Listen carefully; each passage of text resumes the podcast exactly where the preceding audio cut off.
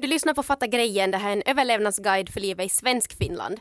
Under den senaste tiden har man kunnat se en hel del rubriker som väcker känslor och kan skapa moralpanik. Mordet på den svenska rapparen Einar har startat diskussioner om hiphopens koppling till gängvåld och den populära tv-serien Squid Game har fått barn att leka våldsamma lekar. Men hur kan de här sakerna som serier och musik leda till moralpanik och varför känns det som att vi haft samma diskussion om media och våld i all evighet?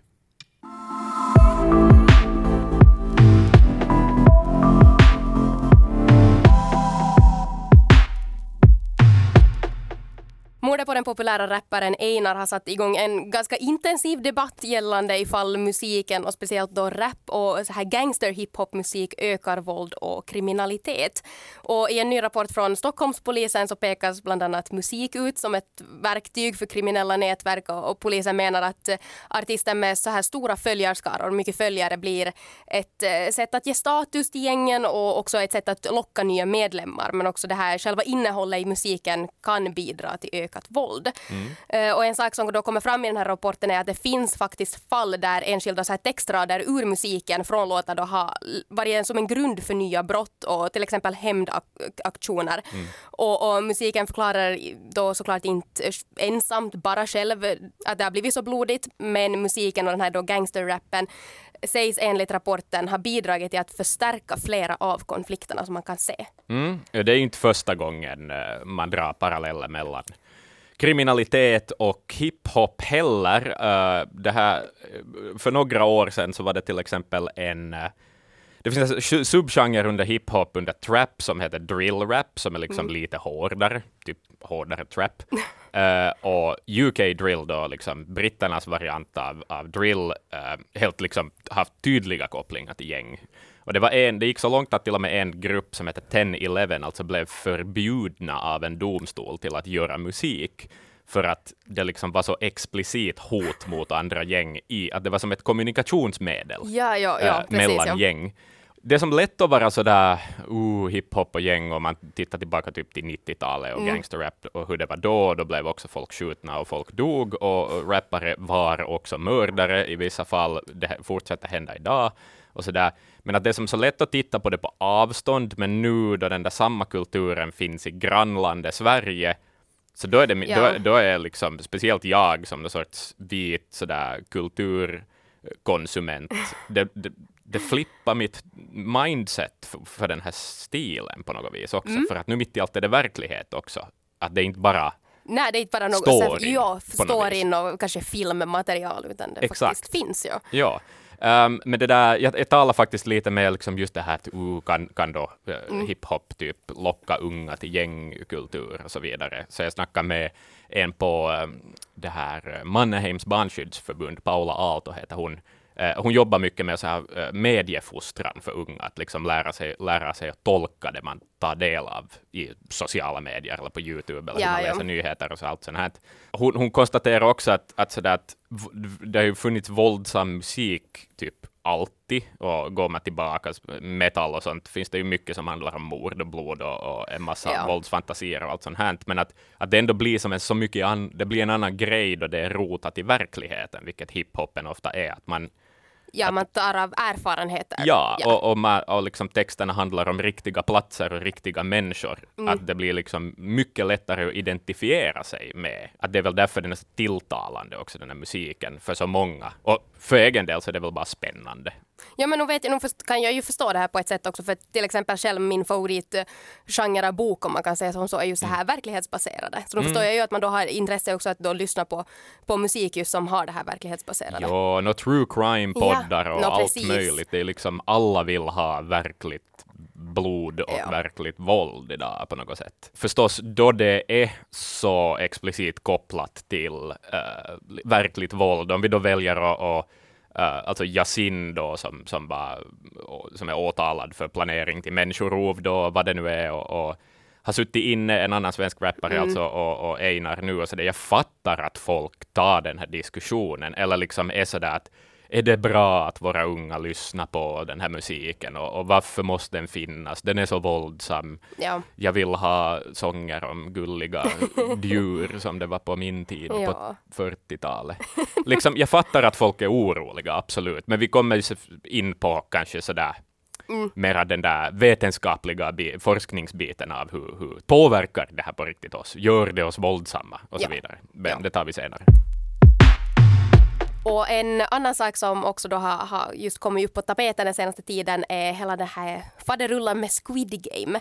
Eh, och Squid Game är då en serie som har blivit väldigt, väldigt stor under hösten. Eh, och serien går så här, om man nu superenkelt förklarar det, så ut på att några hundra personer ska leka några barnlekar och straffet för att misslyckas med de här lekarna är att man dör. Mm. Och det här har nu då barn som har sett på serien eller vet om den här serien tagit fasta på. Eh, Den första leken som leks i den här serien i Squid Game, är, de kallar den där för rött ljus, grönt ljus som då här i Finland kallas för spegeln. Där man, liksom, man, Ja. man, eh, man ska röra sig medan personen inte ser och sen då den vänder om så måste man stå stilla. Ja, precis. Ja. Enligt The Guardian så har skolbarn nu, i alla fall i Storbritannien men också på andra ställen, eh, börjat leka den här leken och fysiskt straffa de som då rör sig med att Ah. just slå dem till exempel. Mm. Och också andra lekar från den här serien så, som dragkamp och sen var det också ett spel som involverar såna här små glaskulor som jag nu inte vet om man är jät- leker jättemycket här i Finland. Nej, kanske senast på 50-talet kanske, Ja, ja. känns det som. ja. Eh, och grej, men grejen med det här är nu då alltså att man fysiskt har börjat bestraffas ifall man förlorar när man har börjat leka de här lekarna också i verkligheten. Jag menar, det, är ju, det känns väl dumt om, om barn lägger till en våldslevel i Mm. lekar som inte tidigare har funnits där. Nej, och jag tänker att det är ju tillräckligt mycket press redan på att leka de här lekarna än att man ännu till ska måste liksom få något straff om inte man lyckas. Ja, men jag menar det finns ju lekar som redan färdigt är våldsamma. Nej, det är som, sant. som jag själv lekte på skolgården. Vi hade högen, äh, snöhög. Ah, ja. Äh, man skulle klättra upp dit och sen kasta äh, de som var på sjätte klass Ja, ner alla. Oändliga Ja. gånger näsblod efter det. Ja, exakt. Jag tappade äh, andan första gången också. nej. Jag trodde att jag skulle dö. Det var sånt. Sånt finns det ju. Gul bil kommer jag också att tänka på. När man ska slå den andra om man ser en gul bil. Ja. Ehm, jag vet inte, det här är ju kanske nog sådär i mina öron mm. och ögon, det här liksom definitionen av moralpanik. Precis. Alltså sådär att en tv-serie kommer, den är ju våldsam, ja. absolut. Det, ja, det är fruktansvärt mycket folk som dör i denna serien. Ja. Men, men otäcka filmer och serier har väl funnits mm. allt 80. Eh, man blir ju nog på ett visst sätt väldigt känslokall när man ser på de här. Att man lär sig på något sätt att stå ut med det. Eller det bara blir så vanligt på något sätt. Det stod också i den här artikeln just gällande de här barnen som leker de här lekarna och, och fysiskt bestraffas eller bestraffar och eh, där var de yngsta till och med så små som sex år. Wow. Jo, mm. så det är faktiskt små barn vi pratar om också. Det är det. På tal om små barn som gör dumma saker på grund av tv och film, så jag, jag börjar liksom fundera på vad har jag själv gjort Oj, för nej. dumt på, för att jag har sett det på tv. Sådär. Eh, för det gjorde vi då jag var liten. Jackass var någonting som var nytt då, då jag var liten. Det här är ju Mm. säger en del om hur gammal jag börjar bli.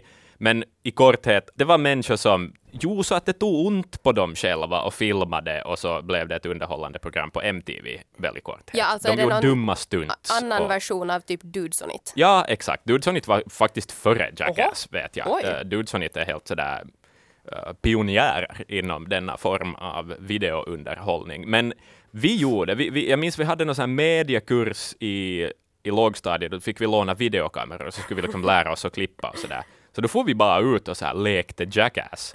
Eh, typ hoppa ner från något tak i någon Åh, liten nej. snöhög, hade någon sån här uh, butikskärra som vi buffade ner för någon backe med någon i.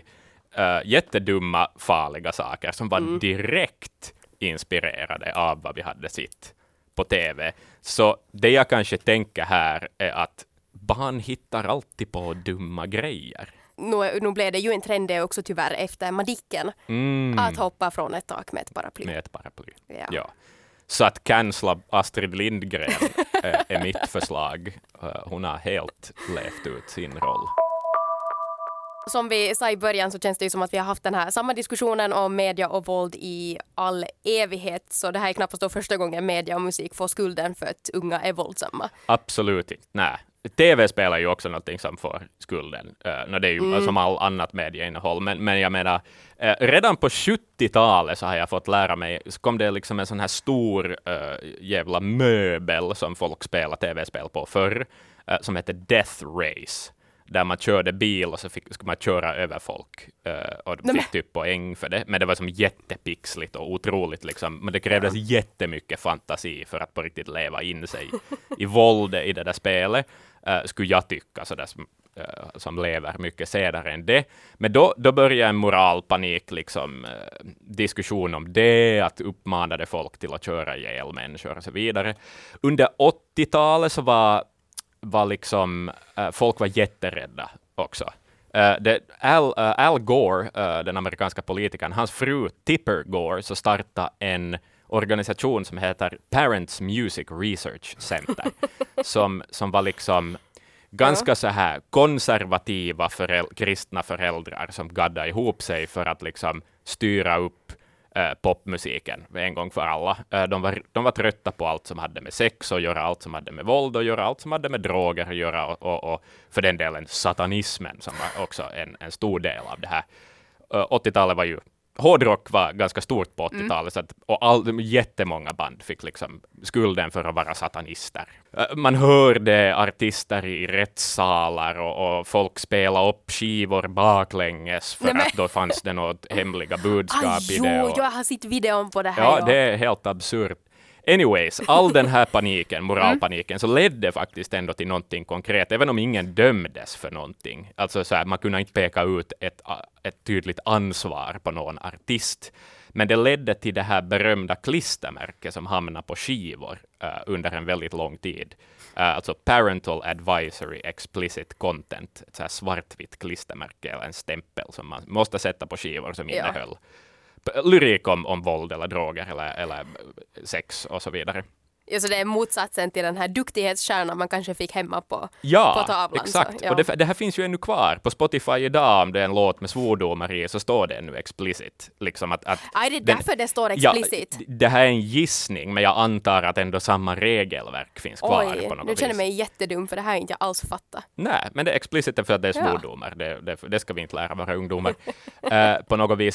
Så det är ju liksom ett exempel. Sen är det ju roligt hur det här backfirar för jag menar för någon nyfiken tonåring som vill börja lyssna på rap eller metal eller vad som helst, så tittar man ju efter den där symbolen som en kvalitetsstämpel. Att här, det här är spännande grejer att lyssna ja. på. Det här är värt att liksom lyssna på. Inte den där skivan som inte har den stämpeln. Nej. Så det ökar liksom skivförsäljningen för väldigt många artister som de här kristna föräldragrupperna var emot. Mm. Men här är det ju, det är ju sanna, det finns ingen dålig publicitet. Nej, nej, nej, det här är en klassiker. Det här är ja. precis vad det är. Sen äh, också historiskt så har man ju nog kopplat så till exempel skolskjutare äh, och alla Man har varit ganska mån om att lyfta upp deras musiksmaker också, vilket Columbine då, som var en, en, en eh, skolskjutning som skedde i, på slutet av 90-talet i USA. Mm. Äh, jätte, jätte liksom, tragisk och hemsk på alla sätt och vis, men i i samband med det så fick uh, artisten Marilyn Manson ta ganska mycket skit också. Att han beskylldes delvis för att på något vis ha inspirerat det här. Uh, vilket ju förstås är jag kan tycka att det är absurt. Sen mm. har det ju visat sig att Marilyn Manson är ganska äcklig och har gjort en massa äckliga saker. Uh, I Finland, de här skolskjutarna, uh, bland annat uh, Kauhajoki-skytten, mm. så var media lyfta upp det faktum att han lyssnar på någon industriell rock, något så här ty, liksom tyngre. Ja. Det är som att det alltid har en relevans ändå på mm, något vis. Eller att man verkligen bara vill ha, eller man vill söka en syndabock på något sätt, för man vill ha en förklaring till hur gick det så här. Jepp. Jo, jo, så är det. Breivik spelar Call of Duty har man skrivit om också. Mm. Och, och, man vill ha en syndabock. Ja. Det, det är väl det det handlar om. Ja, så fast man då kanske tänker att det just är den här syndabocken som man vill ha. Man vill, vill ha en orsak, en förklaring till, till det som händer mm. till våld som sker. Men vad säger egentligen forskningen då om kopplingen just mellan media och våld? Mm. Det har forskats mycket kring kopplingen mellan media och våld. Och vad jag nu får ut av sådär vilka slutsatser man ungefär nu har kommit till, så verkar det ungefär vara så att man har svårt att visa på att musik skulle ha en våldsam effekt på människor. Mm. Uh, på det viset. Men det man däremot samma gäller film för den delen, att det är liksom svårt att, att peka på ett orsakssamband uh, på ja. det viset. Men uh, tv-spel däremot så har man kunnat visa påvisa en viss tendens till att folk blir mer aggressiva av att spela våldsamma spel. Men är det just för att man då är mer aktiv? Det, Eller, sku, det ja. skulle man kunna tänka sig att det är en anledning och det är ju du som gör valen. Det är du som trycker på triggern för Precis, att döda ja. den. Men Det skulle man kunna tänka sig. Men sen, det är också det att det är jättesvårt att mäta aggression. Jag ser lite brister i, i kanske vad riktigt det här kan bevisa. För att du kan ju inte som göra ett experiment så här att du har en människa och spela ett våldsamt spel. Mm. Eh, sen får den där mä- människan komma in i ett rum med två kompisar och så ligger det ett urval med vapen på bordet framför dig och så ser du vad som händer. Det, liksom, det, det går ju inte. Ja, nej. Så att det, det man mäter aggression med, det, man kan mäta blodtryck, man kan kolla hjärnaktivitet och sådana saker, men det många studier också har gjort är att bara ställa frågor eh, på olika sätt. Liksom, finns det, vet du, skulle, hur skulle du göra i den här situationen på något vis? Men det är ju också som så att, att kan, ja, det är ju sam- ingenting som ja. säger att man måste vara ärligt på det. Nej, eller hur? Hur, hur Eh. många gånger har inte du varit med i någon liksom, uh, ungdomsundersökning där de frågar hur många gånger du har druckit alkohol när du var 14 och, och lite u- sk- svara i underkanten. Liksom, Ja. you know. Så det är jättelätt att ljuga. Och eh, sen är det ju det också att aggression och våld är ju inte heller samma saker. Nej, precis. Att- För nu, nu blir ju alla som spelar ett tv-spel förr eller senare aggressiva. Det behöver inte ens vara tv-spel. Du k- spelar ett brädspel redan fast du spelar Scrab, vad heter det, alfabet. Ja, så får, du får dåliga bokstäver och i Ja. något då det händer fjärde flyger gången så blir du sur. Tetris och någonting går skit Ja. Kasta miniräknaren i, i, i- väggen.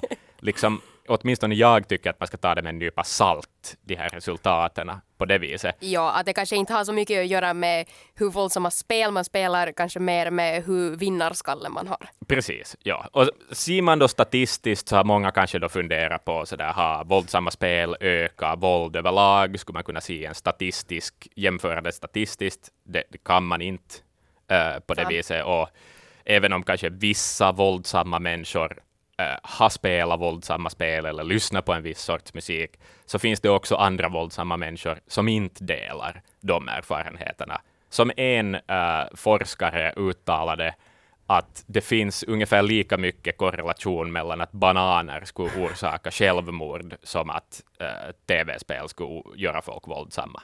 Men för att återgå till det där farliga gangsterrappen då som vi diskuterade i början också, att ur forskares synvinklar så skulle det inte heller kanske leda till någonting gott att förbjuda eller censurera eh, den här sortens hiphop heller. Eh, en brittisk sociolog, Jonathan Elan, eh, har funderat kring det, att det liksom skulle göra att redan marginaliserade grupper bara skulle hamna ännu mera utanför om liksom, man skulle Ja. förbjuda ett kulturuttryck och så vidare. Och det då i sin tur så skulle kunna leda till att man bara späder på ännu mera bränsle på de orsaker, till Mm. orsakerna bakom musiken i första hand. Precis, ja. Så istället för att gå och försöka fixa musiken kanske man ska gå och försöka förhindra våld. Ja. Tillbaka liksom till svenska hiphop-scenen just nu och sådär. Mm. Och vi har Yasin och vi har Einar och, och det är liksom texter som är kopplade till, till verkliga händelser och verkliga brott. Det känns ju lite som att för att bli accepterad i hiphop idag som rappare så ska du också veta vad du rappar om, om du rappar om de här grejerna. Om våld och om Mm. droger och, och om liksom Precis. på något sätt. Ja. Så att det ska vara äkta. Eh, en sån här musikjournalist i Sverige, en Johannes Kakar, så han har dragit en ganska fin sån här jämförelse. Att han säger att hiphop i Sverige just har blivit lite som en realityserie. Vi alla vet ju hur Sverige älskar realityserier. Mm. Um, att det har blivit just som Paradise Hotel, men istället för då fest och sex så handlar det om vapen och droger. Mm. Att mm, han säger att man verkligen kan se att gängvåld och kriminalitet utspelar sig själv i musiken och att det verkligen reflekterar verkligheten de har i Sverige. Mm. Och artister fattar att det som då händer bakom kulisserna och mellan raderna så då drar till sig ganska mycket uppmärksamhet. Att man skriver just vissa verser och rader med en hint av någonting som har hänt inom då lite, så kanske lite olagligt. Eh, och det här är då också en väldigt gammal taktik som nog har funnits sedan 90-talet och finns i alla länder men det har, har ett väldigt starkt hiphop-uttryck just nu. Ja, absolut. Ja. Den där på Mannaheims bandskyddsförbund så, så påpekar ändå det där att även om det bottnar i verklighet, texterna och sådär, mm. så, så tror hon tänkte åtminstone så att på, det är ju ändå en form av skriptad verklighet. Ja. För att du kanske ändå som artist vill visa upp vissa delar av den verklighet du lever i, för att det passar liksom ditt varumärke som artist bättre. Att vill du vara en hård jävel med vapen, så visar du upp den sidan, men kanske inte liksom visa på Instagram hur du sitter i yllesockor och dricker varm choklad hemma hos mamma. Att, no. att sådär, att, äh, och det är väl därför man kanske inte heller ska tolka musiken helt bokstavligt heller. Nej. Äh, på det viset. Nej, det är just den här hinten av Precis. lite olaglighet. jo, jo, och sen är det ju som, jag lyssnar på ODZ heter de, en svensk mm. hiphopgrupp som har liksom jättemycket knarkreferenser i sin musik. Och, och i alla intervjuer och sånt så är de liksom jätteöppna med att de, de vet vad de pratar om och sånt. Och det blir ju spännande. Förstås lyssnar jag på en låt som är jätteprovocerande för att jag blir nyfiken vad mm. det är. Det säljer och det, får folk, det ger uppmärksamhet ja. och folk lyssnar på det. Ja, man har ju alltid sagt att sex säljer, men nu är det väl det att äkthet säljer. Äkthet säljer, ja. Yep. Finns det tecken på att folk på riktigt dras in i, mm. i kriminalitet för att de har hört vet du, gangster rap made me do it. Finns det något sånt? Ja, nej, men det finns också just den här rapartisten Alex eh, Ceesay som eh, är också från Sverige. Mm. Eh, så han har uttalat sig ganska mycket efter just mordet på Einar och, och själv hur hela det här med våld och musik och kriminalitet hör ihop. Mm. Och han själv, Ceesay då, så han slog igenom 2016 när han satt i fängelse. Och han har sagt då i en intervju att han lyssnade just på gangsterrap som ung och att det då bidrog till att han började begå brott. Mm. För han var en artist själv. Han poängterar det här att det inte går att vara framgångsrik inom den här genren utan att man själv har något med den kriminella världen att göra. Just att det finns som sagt det här kravet på äkthet. Mm. Man måste veta vad man pratar om annars märks det direkt. Mm. Och han menar då att musiken har haft väldigt stor inverkan på honom också. Att just när han var tonåring och han kände sig vilsen så fick han han säger att han fick en väldigt romantiserad bild av kriminalitet. Mm. Att fast han kanske ändå skulle ha slutat där han har slutat Eh, han är ganska öppen med att han, han är dömd för vissa saker, så säger han att det var med att lyssna på den här musiken som det var där allt det började. Just det. Hon Paula Aalto på, på Barnskyddsförbundet snackade också om det, att, att, sådär, att vad är det då som gör folk våldsamma? Hon tänkte att visst kan musik och media kanske ha en komponent i det, men det beror jättemycket på från person mm. till person. Att, att är du uppväxt i en miljö där till exempel våld och sånt är okej, okay. så då kanske den här musiken kan bidra negativt till det, att du, eller, eller media eller TV eller vad det nu än må vara, uh, att, liksom, att du kan få idéer uh, till exempel till hur du själv ska leva ditt liv där via, och det kan jag förstå. Mm. Uh, men, men sen är det ju också det att hela den där snacket om att romantisera våld och kriminalitet, ja. att det är väl lite i betraktarens ögon, tänker jag också. För att bara för att man rap rappar om att det sker våldsamheter och att folk uh, säljer droger. Är det nu, finns det den där värderingen där att det här är nice? Egentligen, ja. vet du? Eller är det bara det att man konstaterar att det här händer? Ja, ja nej, det finns ju säkert olika sätt mm. att se på det här. Men just också till exempel Ceesay har också sagt att att han just tror på att den svenska hiphopen och vapenvåldet har ett väldigt starkt samband för att det inspirerar yngre som redan är på väg åt det hållet, att gå in mm. hårdare. Att det liksom är kanske då den här musiken att det, det gör inte en person våldsam eller kriminell, men om man redan är på väg åt det hållet så kanske man blir knuffad över kanten. Mm. På tal om det där lite reality-tv-aspekten av det, att det är ju också sådär folk älskar ju sådana berättelser där någon kommer från då så att säga ingenting eller mm. någon liksom jobbig, jobbig uppväxt och lyckas bli någonting. Uh, folk älskar sådana storyn. Mm. Och liksom via hiphopen så är det ju jättemånga som har visat att det är möjligt. Ja. Att sådär, du, du kan ha en, en skitjobbig uppväxt, men om du har en talang och, och liksom kan sätta det till konst eller till, till liksom musik, så kan du bli någonting. Du, du kan hamna på prisgalor, du kan vet du, gå på bisse med Mikael Persbrandt eller whatever. liksom, och sen, ja. sådär, att, att förstås är det inspirerande också. Mm, absolut. Så det är ju en fin möjlighet också i, en, liksom, i ett ganska söndrigt samhälle, ändå en utväg ur ett söndrigt samhälle att kunna lyckas inom musiken också, vill jag naivt mm. tycka. Mm. Och utan att liksom måste ändra på sig själv också. Du ja. kan vara äkta, du kan vara den du är. ja. Och du kan vara värd någonting fast du har det där liksom. Mm. Och det, blir ju, från- ja. och det blir ju också en väldigt stor just inspirationskälla för andra som är i samma sits. Ja. Men finns det någon lösning på det här då? Att kan, kan vi lösa problemen med våld genom att förbjuda barn från att se på våldsamma serier eller genom att förbjuda förortsbefolkningen från att göra musik? Jag tror, nej.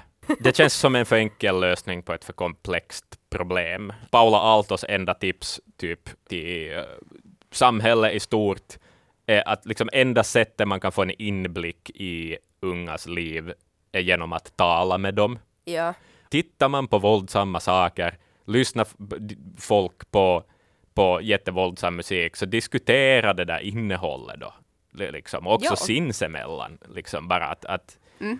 Att det är väl enda sättet att hitta då, kanske då så här enstaka individer som, som kan Ja. ha våldsamma tendenser på något vis. Och sådär. Ja, ja, det här också att förbjuda saker brukar ju aldrig riktigt sluta så bra heller. Nej. Eh, ingen tycker riktigt om att förbjuda saker, ingen tycker om att saker förbjuds. Och sen är det ju väldigt svårt att veta vart man ska dra gränsen, att vad ska man förbjuda? Man kan ju börja förbjuda alla spel. Eh, bara för att de, just Call of Duty eller GTA, bara för att de ses, på ett ytligt sätt är våldsamma spel. Mm. Men nu vet vi ju alla som har spelat Sims att där finns de sanna psykopaterna.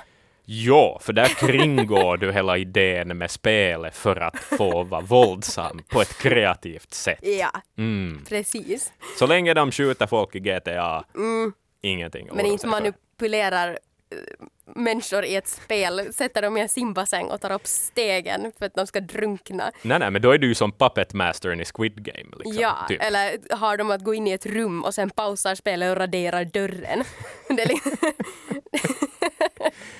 Så jag vet inte, Eh, antagligen kommer ju aldrig de här sakerna ändå att sluta diskuteras, trots att man kanske i forskning och sådär har konstaterat att det inte riktigt spelar så stor roll och, och, och förbjuda våldsamma uttryck eh, i media och sådär. Men det man ändå kan fundera på är att kan ändå de här diskussionerna som följer av de här våldsamma grejerna ändå vara konstruktiva på något vis.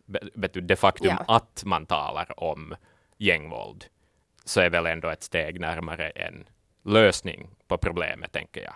ja, Men det är ju förstås jävla hemskt att det kanske krävs en ung människas livsöde för att, för att liksom diskussionen helt på allvar ska, ska eh, komma igång. Ja. Och, och, så, så det är ju himla tragiskt. Men ja. Det är ju tyvärr den sanningen, ja, att det oftast är att någonting hemskt måste hända före man vaknar.